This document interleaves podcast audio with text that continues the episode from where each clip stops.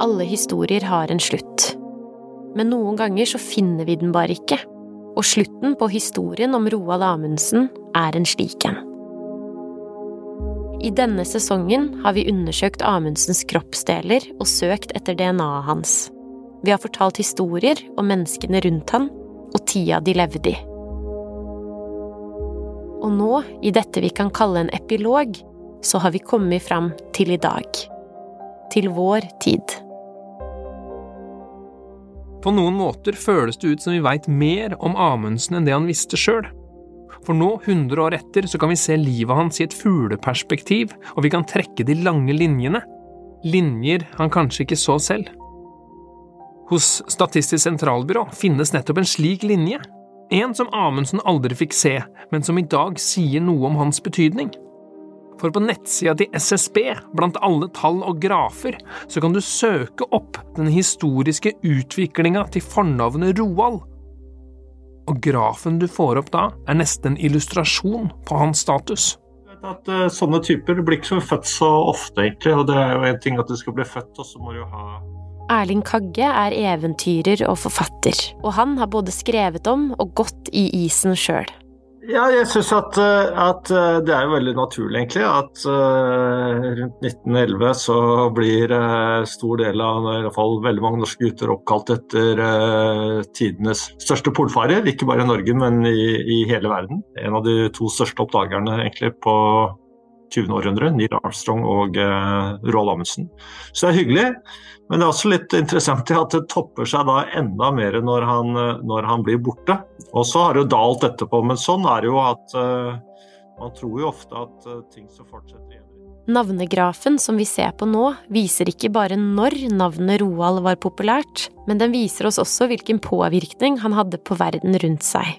Både på høygravide damer og kommende fedre som så opp til han, slik som foreldrene til forfatter Roald Dahl, for eksempel. Det er skrevet mange bøker om Roald Amundsen. Noen skrev han sjøl, noen ble skrevet av dem rundt han, men de fleste er skrevet av oss, vi som aldri møtte han, men som likevel er med på å forme historien om han, og ettermælet. Eh, han var ikke mann av, ja, han var mann av sin tid, men han var jo mann av så mange tider, egentlig. Så mange, mange, mange epoker. Og, og, var jo så mange forskjellige skikkelser samtidig også. Så jeg syns jo at uh, altså, Nansen kan, er lettere å skjønne seg på, syns jeg. Uh, det er ikke noe det er ikke noe mindre spennende historie med Nansen, men det er et eller annet uh, Amundsen er litt mer mystikk rundt. Altså er, han er en mer spennende type. så Derfor var jeg veldig glad da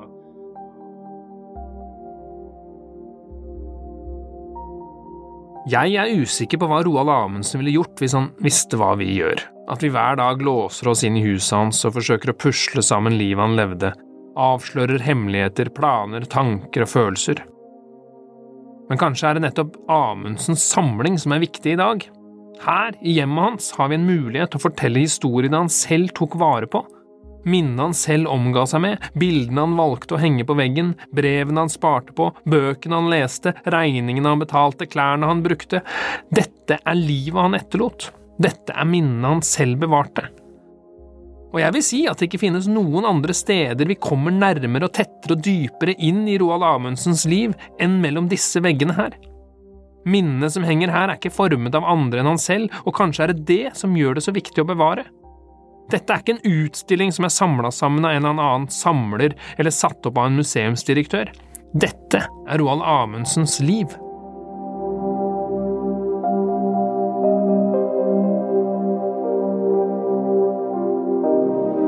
Fortellinga om Amundsen lever videre fordi vi snakker om han i dag. Men hvorfor er det egentlig viktig å snakke om han og andre historiske helter? Ja, men altså, det, det, korte svar er jo at det de har laget, eller det de står for, de, den fortelling de bærer med seg, at den stadig er relevant.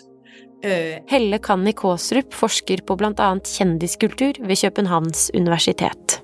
Men, øh, men noget af grunden er jo også, at han har efterladt sig noget og gjort noget, som, som vi stadigvæk kan forholde os til, og som på en eller anden måde er, er relevant for vores historiske selvforståelse osv. Så, videre.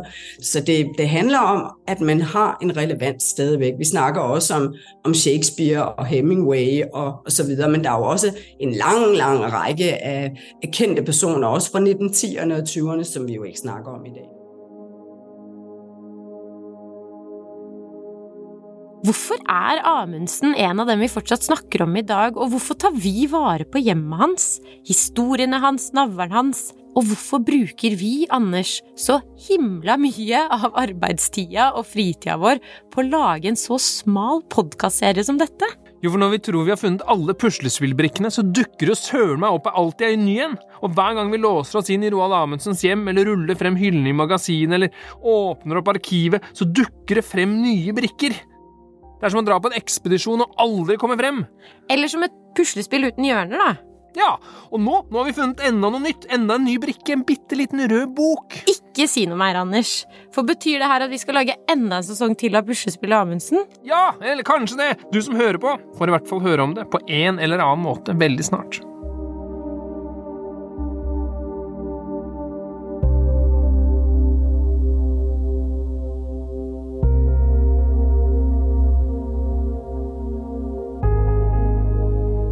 Du har hørt en podkast fra Mia Museene Akershus.